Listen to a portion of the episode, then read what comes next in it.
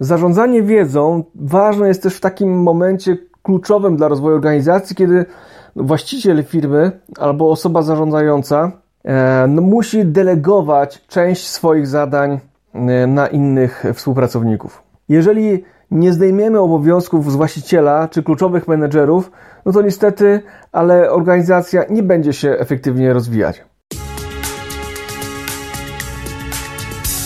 To jest podcast na zdrowie organizacji, którego celem jest dzielenie się ideami wspierającymi firmy w rozwoju. Cześć, witajcie na kanale podcastu Na zdrowie organizacji.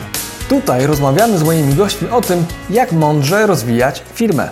Nazywam się Maciej Sasin i jestem konsultantem rozwoju organizacji, ale także trenerem i coachem. Wspieram firmy w osiąganiu dojrzałości biznesowej. Pomagam im przechodzić kryzysy w rozwoju. Moją misją jest budowanie zaangażowania pracowników. Do podcastu zapraszam trenerów, konsultantów, menedżerów, właścicieli firm, czyli wszystkich tych, którzy mają doświadczenie w przełamywaniu ograniczeń, które towarzyszą rozwojowi każdej organizacji. Zapraszam do słuchania, obserwowania i komentowania. Macie Sasin.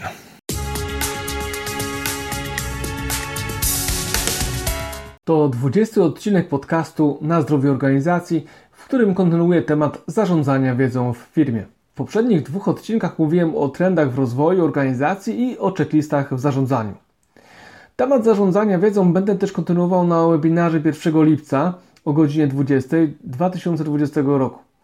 Tak więc zapraszam do udziału. Można zapisać się przez portal Evenea, a link jest w opisie tego odcinka. Temat zarządzania wiedzą zbiega się z wydaniem e-booka Checklisty dla biznesu. Zbiera on 94 checklisty z zakresu zarządzania, rekrutacji, sprzedaży, efektywności, w którym znajdziesz podwaliny pod skuteczne zarządzanie procesami w swojej firmie. W kluczowych obszarach jej funkcjonowania oczywiście. Link do książki narzędziownika znajdziesz w opisie tego odcinka. A teraz już do rzeczy. Zarządzanie wiedzą w organizacji jest jednym z najtrudniejszych procesów, który odbywa się przy okazji tworzenia się, budowania się firmy. Najważniejsze jest to, aby organizacja zarządzała wiedzą strategiczną dla jej przetrwania i funkcjonowania teraz albo w przyszłości. Temat ten fascynuje mnie od dawna i mam nadzieję, że i Ciebie zainteresuje. A więc nie przedłużam, zapraszam do słuchania 20 odcinka o zarządzaniu wiedzą w firmie.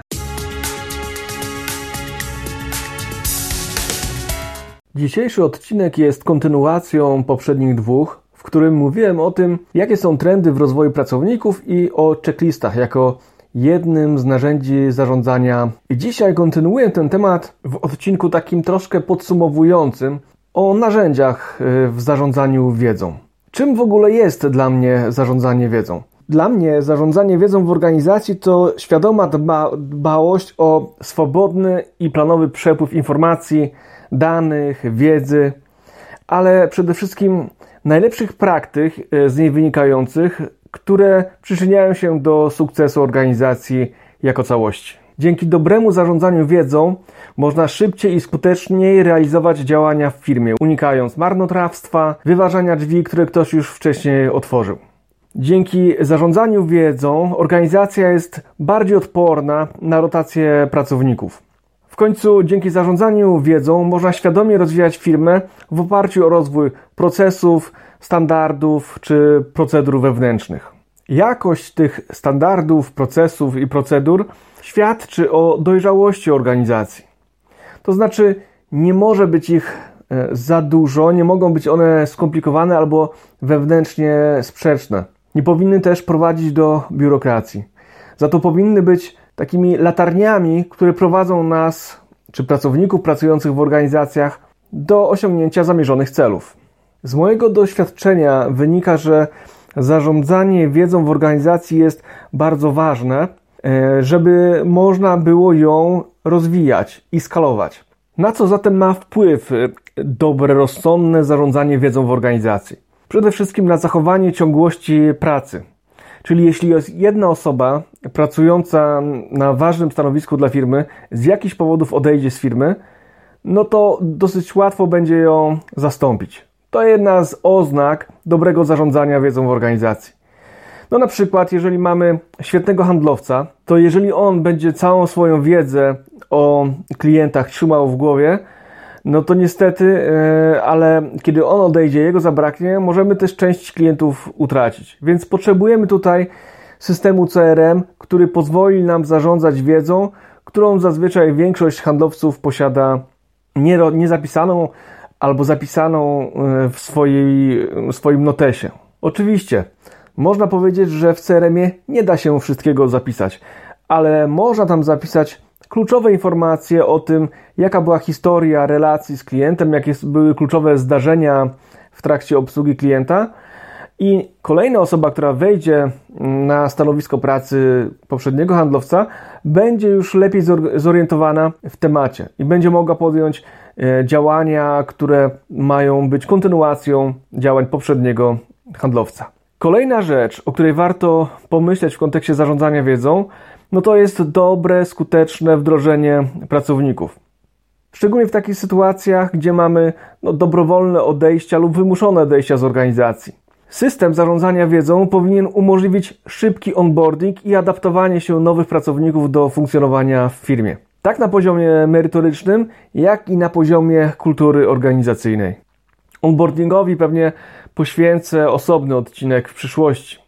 Dzięki świadomemu zarządzaniu wiedzą w organizacji, pracownicy i firma odpowiadają sobie tak naprawdę, co jest istotne dla jej przetrwania i rozwoju. Jaką wiedzę trzeba chronić, jaką wiedzę rozwijać, a jaką pozyskać z zewnątrz organizacji.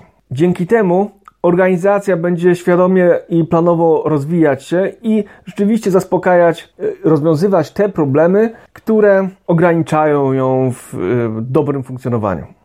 Zarządzanie wiedzą ważne jest też w takim momencie kluczowym dla rozwoju organizacji, kiedy właściciel firmy albo osoba zarządzająca e, no, musi delegować część swoich zadań na innych współpracowników. Jeżeli nie zdejmiemy obowiązków z właściciela czy kluczowych menedżerów, no to niestety, ale organizacja nie będzie się efektywnie rozwijać.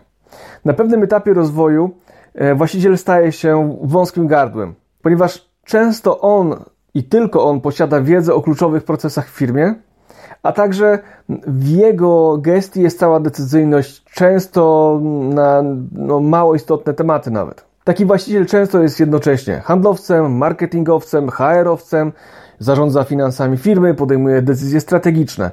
Jeżeli nie deleguje tych zadań w pewnym momencie na innych członków zespołu, no niestety, ale firma nie będzie mogła dalej się rozwijać. Dlatego ważne jest odpowiednie przekazanie wiedzy swoim współpracownikom, następcom, którzy będą mogli optymalnie i z dużą dozą samodzielności, odpowiedzialności działać na stanowisku pracy i zastępować właściciela w jego wcześniejszej roli. Jeżeli właściciel tego nie zrobi, to niestety, ale cały czas będzie opiekował się firmą niemalże tak jak rodzice noworodkiem. Jakie rodzaje wiedzy można wskazać e, w organizacji? Ja tutaj widzę takie trzy, czyli know-how, czyli wiedzieć jak, know what, czyli wiedzieć co i know why, czyli wiedzieć dlaczego mamy to robić. Zacznijmy od wiedzy know-how, czyli wiedzy, która um, mówi, jak mamy coś robić. I tutaj mamy znowu dwa obszary tej wiedzy. Z jednej strony to jest ta wiedza merytoryczna, a z drugiej strony operacyjna. Wiedza merytoryczna, czyli ta, która mówi nam, jak wytwarzać dane produkty, jak wytwarzać usługi. E, wiedza techniczna, specjalistyczna w dziedzinie, w której się specjalizujemy, na przykład programowanie, mechanika pojazdowa, produkcja czegokolwiek innego, albo po prostu handel. Z drugiej strony jest ta wiedza operacyjna, czyli wiedza, która mówi, jak mamy realizować te procesy merytoryczne, kluczowe, czyli jak realizować projekty, jak realizować plany, jak realizować cele. I ta wiedza operacyjna to jest wszystko to, co musimy umieć, aby te założenia realizować. E, od jakości tego know-how zależy zyskowność i konkurencyjność e, firmy, a także jej innowacyjność. E, brak aktualizacji wiedzy powoduje stagnację i utratę zdolności do przetrwania w długim terminie.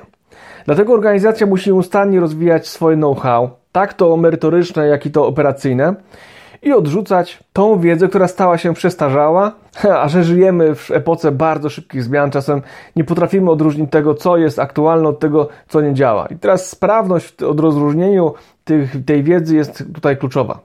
W kontekście wiedzy operacyjnej musimy się nauczyć jak rekrutować pracowników i przyciągać tych najbardziej wartościowych, jak organizować pracę, aby unikać marnotrawstwa, jak budować skuteczne akcje marketingowe, jak skalować biznes, jak tworzyć procesy HR-owe w organizacji. Czyli to są wszystkie rzeczy operacyjne, które nie są związane z typowo naszym know-how e, produktowo-usługowym, ale po prostu, które pomagają realizować te wszystkie cele. Ważnym takim procesem operacyjnym jest sposób zarządzania projektami w organizacji, zarządzaniem e, zmianą w organizacji, wprowadzaniem innowacji. To jest coś, co daje przewagę nad konkurencją. Wiedzę można też pozyskać z franczyzy. Tam mamy tak naprawdę opisane i te know-how w kontekście operacyjnym, jak i takim merytorycznym. Czyli jeżeli bierzemy jakiś punkt franczyzowy pod swoje skrzydła, nie musimy odkrywać tego wszystkiego, co składa się na funkcjonowanie organizacji. Po prostu musimy dobrze wykorzystać przepis, który otrzymujemy od franczyzodawcy. Drugi rodzaj wiedzy to wiedza typu know what, czyli wiedzieć, co mamy robić. Czyli jakie działania wybrać z całej puli możliwości, aby osiągnąć założone cele. I dojrzałe organizacje potrafią skoncentrować się na rozwoju kluczowych umiejętności, a pozostałe odpuścić lub delegować na, na zewnątrz. Fajnie to opisał w swoich badaniach Jim Collins w książce Od dobrego do wielkiego, e, gdzie firmy opisane przez niego koncentrowały się na tak zwanej zasadzie jeża, czyli na tym, żeby rozwijać jakiś aspekt i doprowadzać go do perfekcji, i ten aspekt miał dać przewagę konkurencyjną nad podobnymi firmami. Wiedza Know What daje nam odpowiedź na pytanie, co powinniśmy dostarczać naszym klientom, aby finalnie firma mogła się rozwijać i być zyskowna w długim terminie. W końcu mamy też wiedzę Know Why, czyli dlaczego robimy to, co robimy, w imię czego to robimy, jak to, co robimy, ma zmieniać rzeczywistość klientów. To jest trochę jak formułowanie misji funkcjonowania firmy, a następnie przełożenie jej na konkretne działania operacyjne. Na przykład, jeśli działamy w branży beauty, misją firmy może być dostarczanie produktów skierowanych do alergików, które mają im podnieść jakość życia przez możliwość korzystania w ogóle z kosmetyków i używania ich w bezpieczny sposób. Jeśli mamy tak sformułowaną misję, w dużo łatwiejszy sposób możemy prowadzić marketing, sprzedaż firmy i przyciągać do nich odpowiednich pracowników, jak i klientów. Innym, wydaje mi się również atrakcyjnym sposobem podziału wiedzy w organizacji i zarządzania nią, to jest, to jest punkt widzenia unikatowości tej wiedzy. Z jednej strony mamy taką wiedzę łatwo zastępowalną, czyli taką, którą można nabyć e, z rynku. Jest ona uniwersalna. Do tej grupy możemy zaliczyć na przykład sprzedawców, pracowników obsługi klienta, murarzy, mechaników, czyli zawody, które bazują na uniwersalnych kompetencjach. Drugi rodzaj wiedzy to wiedza już trudniej zastępowalna, czyli połączenie wiedzy specyficznej, branżowej z ogólnymi kompetencjami. Czyli na przykład mogę mieć wysokie kompetencje w programowaniu, ale zanim będę efektywny w nowej firmie, muszę poznać specyfikę pracy nad oprogramowaniem w, w, no właśnie w tej nowej, nowej organizacji. Mogę mieć doświadczenie sprzedażowe w innych firmach, ale kompletnie mogę nie znać branży, do której wchodzę i wiedzy produktowej, która jest kluczowa do e, sprzedaży. No i w końcu mamy wiedzę unikatową, wiedzę, którą trzeba chronić, czyli różnego rodzaju patenty, przewagi konkurencyjne, e, jakieś receptury, na przykład tak jak w KFC i Coca-Coli. E, chociaż akurat w KFC to ostatnio widziałem gdzieś wpis na jakimś portalu internetowym, w którym firma pokazała ten przepis e, i mimo wszystko, z tego co wiem, chyba nie zmniejszyło to sprzedaży firmy, mimo że może moglibyśmy sobie sami przygotować e, w domu tą potrawę, czyli tego kurczaka w panierce. Często jest tak, że ta wiedza unikatowa daje przewagę na starcie, a później straci na, na znaczeniu, bo konkurenci po prostu ją w jakiś sposób kopiują. Firmy często na początku chronią swoje patenty, a później upowszechniają tą wiedzę niemal za darmo lub sprzedają te patenty innym. Wszystko oczywiście w kontekście cyklu życia produktu, jaki mamy w organizacji. Generalnie chodzi o to w zarządzaniu wiedzą, żeby zapobiegać długowi technologicznemu, który z czasem może być bardzo kosztowny dla organizacji. To znaczy, jeżeli nie zainwestuję odpowiednio wcześnie w zmianę technologii, to konkurencja po prostu mi odjedzie.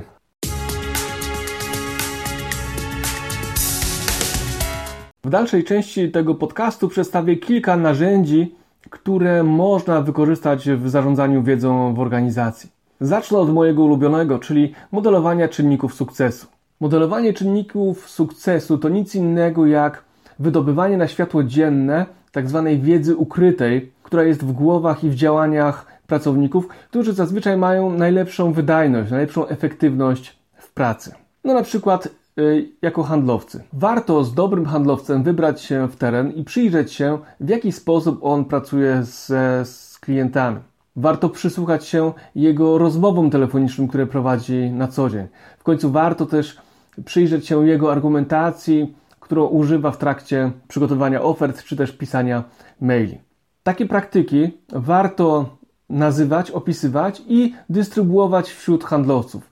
Na przykład w trakcie cyklicznych spotkań handlowych, które moim zdaniem raz w miesiącu powinny się e, odbywać. Ale te spotkania nie powinny być tylko o tym, w jaki sposób tutaj produktowo i technicznie organizować e, sprzedaż, ale przede wszystkim właśnie po to, żeby dzielić się dobrymi praktykami, które mamy u siebie w terenie. Podobnie z innymi działami. Jeżeli na produkcji mamy pracownika, który jest ponadprzeciętnie wydajny, warto przyjrzeć się jego pracy i zobaczyć, co robi inaczej od reszty, że osiąga tak dobre wyniki. Być może jego sposób pracy będzie wyjątkowy i warto go opisać i nauczyć przeszkolić pracowników jego sposobie postępowania. Podobnie w obsłudze klienta. Warto w obsłudze klienta przyglądać się tym osobom, które osiągają najlepsze wyniki, osiągają największą satysfakcję, są najlepiej oceniani przez klientów i warto powielać te techniki w organizacji. Innym narzędziem jest repozytorium wiedzy, czyli zebranie najbardziej potrzebnej aktualnej wiedzy w organizacji czy dziale o procesach, o produktach. Repozytorium e, wiedzy, procesów, dokumentacji czy kodu programistycznego, e, najlepszych praktyk, konfiguracji, instrukcji postępowania, wprowadzenia zmian. To wszystko sprawia, że wiedza w organizacji jest upowszechniana i e, wiemy w jaki sposób e, postępować w różnych e, sytuacjach, nie zawsze oczywistych, szczególnie dla tych pracowników, którzy pracują krótko w organizacji. Aby wdrożyć taki system zarządzania bazą wiedzy, potrzebny jest wybór odpowiednich narzędzi. Tymi narzędziami mogą być dyski typu Drive, może to być intranet, może to być programowanie typu wiki, czyli wszystko to, co pomaga w archiwizowaniu i dokumentowaniu ważnej wiedzy dla organizacji. Jednym z takich zasobów, które powinien się znaleźć mm, w tym repozytorium wiedzy, powinny być instrukcje stanowiskowe czy też filmy instruktażowe, niezbędne do optymalnego wykonywania pracy. Na przykład na produkcji jak proces przestrajania maszyny, czy proces sprzątania maszyny. E, w innym dziale jak proces realizacji zamówienia proces przyjęcia y, do serwisu. Czyli wszystko to, co jest ważne, żeby było dobrze uporządkowane, żeby było optymalnie wykonane w sposób no, dający mm, efekt, odpowiedni efekt tak dla firmy, jak i dla klienta. Nie mogę też nie wspomnieć o checklistach jako narzędziach do utrwalania wiedzy i pozwalających ograniczyć błędy w trakcie typowej pracy operacyjnej, na przykład w punkcie e, realizacji jakiegoś przeglądu, audytu czy na serwisie. W jednej z firm, z którą współpracowałem, było nawet takie narzędzie, które w sytuacji, w której pewne wskaźniki nie były realizowane, podpowiadało formule checklisty, co należy wykonać, aby zrealizować e, dany wskaźnik, osiągnąć pewien wynik. To bardzo było e, pomocne, e, szczególnie dla tych pracowników, którzy nie mieli dużego do, doświadczenia. A nawet ci, którzy je mieli, mogli sobie szybko przejrzeć checklistę i wykonać działania, które były niezbędne do osiągnięcia potrzebnych wskaźników. Z takich większych zadań, dla, które stoją przed organizacją, to jest sukcesja, czyli przekazywanie wiedzy z głowy właściciela czy też najważniejszych pracowników do osób, które w przyszłości będą musiały przejąć e, ich obowiązki. Zazwyczaj sukcesja w firmach to proces, który odbywa się zbyt późno, znaczy proces, o którym myśli się zbyt późno. Zatem warto jak najszybciej o niej pomyśleć, żeby nie spóźnić się i żeby organizacja nie ucierpiała przez fakt, że odpowiedni ludzie nie zostali przygotowani do przyjęcia najważniejszych ról w organizacji. Takim narzędziem wspierającym sukcesję może być mentoring, czyli przekazywanie wiedzy przez pracowników czy osoby większym stażem tym, którzy dopiero się uczą, wkraczają do organizacji czy też obejmują stanowisko pracy. Mogą w sposób bezpieczny uczyć się od ludzi, którzy po prostu tą pracę wykonali latami, dobrze i chętnie się tą wiedzą podzielą. No właśnie tutaj trzeba uważać, żeby wdrażając e, mentoring do organizacji, pamiętać, aby w roli mentorów wprowadzać osoby, które po prostu chętnie będą się dzielić tą wiedzą i rzeczywiście ta wiedza będzie właściwa, którą przekazują. Ważne jest też przygotowanie mentorów do pełnienia ich roli, żeby nauczyli się wykonywać swoją funkcję inspiracyjno-edukacyjną w sposób taki, który będzie zgodny ze strategią organizacji. Zarządzanie wiedzą jest dużo łatwiejsze, kiedy mamy w organizacji opisane procesy. Czyli wiemy, co w jakim dziale dzieje się krok po kroku, kto za co jest odpowiedzialny i jak przebiega przepływ pracy w organizacji. Tak w skrócie.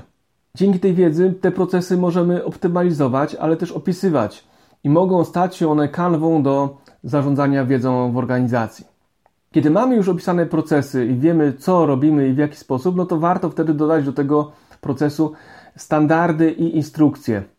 Na przykład standard obsługi klienta. Co krok po kroku powinno się wykonywać. W procesie sprzedaży, na przykład w jaki sposób powinniśmy realizować poszczególne etapy procesu sprzedażowego, czyli na przykład w jaki sposób kwalifikować lidy, w jaki sposób badać potrzeby, czy w jaki sposób mm, prowadzić mm, zamknięcie sprzedaży. Takim ciekawym i oczywistym aspektem, który jest związany z procesem sprzedaży, są zastrzeżenia, które pojawiają się na jej etapach. I tutaj organizacja ma bardzo duże pole do popisu do zarządzania wiedzą w tym zakresie. To znaczy, wiemy zazwyczaj, jakie zastrzeżenia się pojawiają, więc musimy przygotować handlowcom albo wspólnie z nimi wypracować techniki, które pomogą radzić sobie z tymi zastrzeżeniami. I warto je zebrać właśnie w takim repozytorium wiedzy w pracy handlowca. Podobnie jest z historiami sukcesu, to znaczy wielu handlowców, którzy przychodzą do organizacji, no nie pamięta tego, dzięki czemu firma osiągała sukces, więc musimy zebrać takie historie sukcesu i podzielić się nimi w jednym miejscu z handlowcami po to, żeby mogli posługiwać się także oni tymi historiami w trakcie nawiązywania relacji z klientem. Obok procesów i standardów potrzebne są jeszcze procedury i instrukcje czyli po prostu krok po kroku bardzo szczegółowy opis tego, w jaki sposób dana czynność ma być wykonywana. Szczególnie jest to ważne dla osób, które dopiero uczą się danego e, miejsca pracy, czy wchodzą w rolę, na której wcześniej nie funkcjonowali. Standardy od instrukcji procedur różnią się tym, że są bardziej ogólne, natomiast y, pro, te procedury, instrukcje są bardzo szczegółowe i prowadzą nas naprawdę krok po kroku. Standardy też często można spełniać na różne sposoby, a instrukcje już powinniśmy wykonywać krok po kroku. Czyli standardy są często pewnego rodzaju inspiracją do działania, najlepszymi praktykami, z których można korzystać, natomiast instrukcje dają nam krok po kroku informacje, co trzeba w danej sytuacji zrobić, co musimy zrobić, żeby osiągnąć dany efekt. Kolejnym takim narzędziem, który bardzo lubię, jeżeli chodzi o zarządzanie wiedzą, to tak zwane lessons learned, czyli lekcje, które nauczyliśmy się w trakcie realizacji procesów czy też projektów. E, za każdym razem, kiedy zrealizujemy jakąś taką większą robotę w organizacji, no powinniśmy usiąść, zastanowić się, czego my tutaj się nauczyliśmy i co można na przyszłość z tej lekcji wyciągnąć. Jak możemy zoptymalizować swoją pracę, podział obowiązków, no, czy na przykład podykonawców, z którymi pracujemy. Lessons learned to jest takie narzędzie, które uważam no, jest podstawowe w zarządzaniu wiedzą w organizacji w kontekście uczenia się tego, co robimy, czego nie robimy e, w danej organizacji. Po to, żebyśmy po prostu nie popełniali tych samych błędów, a żebyśmy na tych błędach się uczyli. Innym narzędziem w organizacji, które uważam powinno być takim e, no, no, must have, no to oczywiście system CRM, czyli baza wszelkich informacji, zdarzeń istotnych z perspektywy obsługi klienta w dziale sprzedaży i obsługi e, klienta.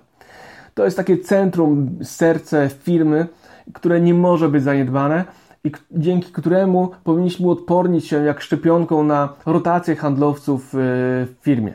Kolejnym narzędziem mm, to są spotkania e, wewnętrzne. I tutaj jest ich kilka.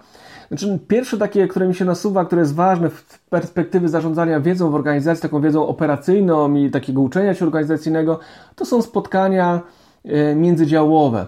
To znaczy chodzi o to, żeby raz na jakiś czas, raz na tydzień, raz na miesiąc usiąść wspólnie ze współpracownikami z innych działów i zastanowić się, czy nasza współpraca przebiega dobrze, a jeżeli nie, to w jaki sposób możemy ją usprawnić. To jest miejsce i czas, w trakcie którego możemy rozpoznać wszelkie nazwane i nienazwane konflikty w organizacji i wspólnie nad nimi pracować. Oczywiście oprócz spotkań międzydziałowych potrzebne są cykliczne spotkania działowe, takie, które odbywają się w różnym y, rytmie. Najlepiej jakby one były nawet w krótkiej briefingowej formie codziennie, szczególnie na, na produkcji, a nawet kilka razy dziennie, jeżeli jest taka potrzeba. Jest to takie narzędzie do operacyjnego zarządzania codziennością i przeciwdziałania potencjalnym trudnościom czy, wtopom, jeżeli chodzi o pracę e, z klientem. Więc warto wdrożyć to taką codzienną praktykę. No i oczywiście warto jest e, prowadzić szkolenia, e, tak wewnętrzne, a przede wszystkim wewnętrzne, jak i zewnętrzne. Szkolenia wewnętrzne powinny służyć zarządzaniu właśnie tą wiedzą, która jest w organizacji i przekazywania jej osobom, które tej wiedzy powinny używać. To znaczy one powinny wiedzieć, gdzie daną wiedzę mogą znaleźć lub do kogo mogą zwrócić się, żeby tą wiedzę uzyskać. Szkolenia wewnętrzne powinny być prowadzone w ramach mm, pojawiających się problemów, błędów, no na przykład braku realizacji standardów, jakiejś obsługi klienta, spadającej jakości itd. Tak itd. Tak Oczywiście w system zarządzania wiedzą w organizacji potrzeba jest włączyć e, szkolenia zewnętrzne, czyli takie, które dostarczą nam wiedzy, której w organizacji nie posiadamy, lub chcemy tą wiedzę rozwinąć. Na przykład wiedzę z zakresu marketingu nowoczesnego, w zakresie sprzedaży, technik produkcyjnych lean itd., tak itd. Zarządzanie wiedzą w organizacji nie jest y, łatwym kawałkiem chleba, ale uważam, że im szybciej zaczniemy zarządzać tą wiedzą, upowszechniać i udostępniać ją w sposób taki usystematyzowany pracownikom, tym mamy większą szansę na to, żeby organizacja mogła rozwijać się szybciej, żeby dostała takiego swoistego przyspieszenia do rozwoju.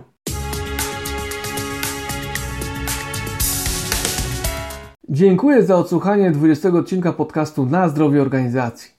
Temat ten jest bardzo ważny, więc pewnie jeszcze nie raz będę do niego wracał. Mam nadzieję, że dostrzegasz wagę tego tematu dla rozwoju swojej firmy i zainspirował Ciebie do przyjrzenia się procesom zarządzania wiedzą u siebie w organizacji. Na koniec przypominam o webinarze, link w opisie. E, można się na niego zapisać przez portal EWNA. No i zapraszam do zapoznania się ze stroną książki Checklisty dla biznesu którą także pod, y, podlinkuję, ale łatwo znajdziesz ją w internecie, kiedy wpiszesz tę frazę. Jeśli podoba Ci się treść moich podcastów, zapraszam do śledzenia ich i komentowania, na przykład w iTunes, w social mediach, na LinkedIn lub tam, gdzie po prostu słuchasz podcastów. Wszystkiego dobrego, serdecznie pozdrawiam. Maciej Sasin, na zdrowie organizacji.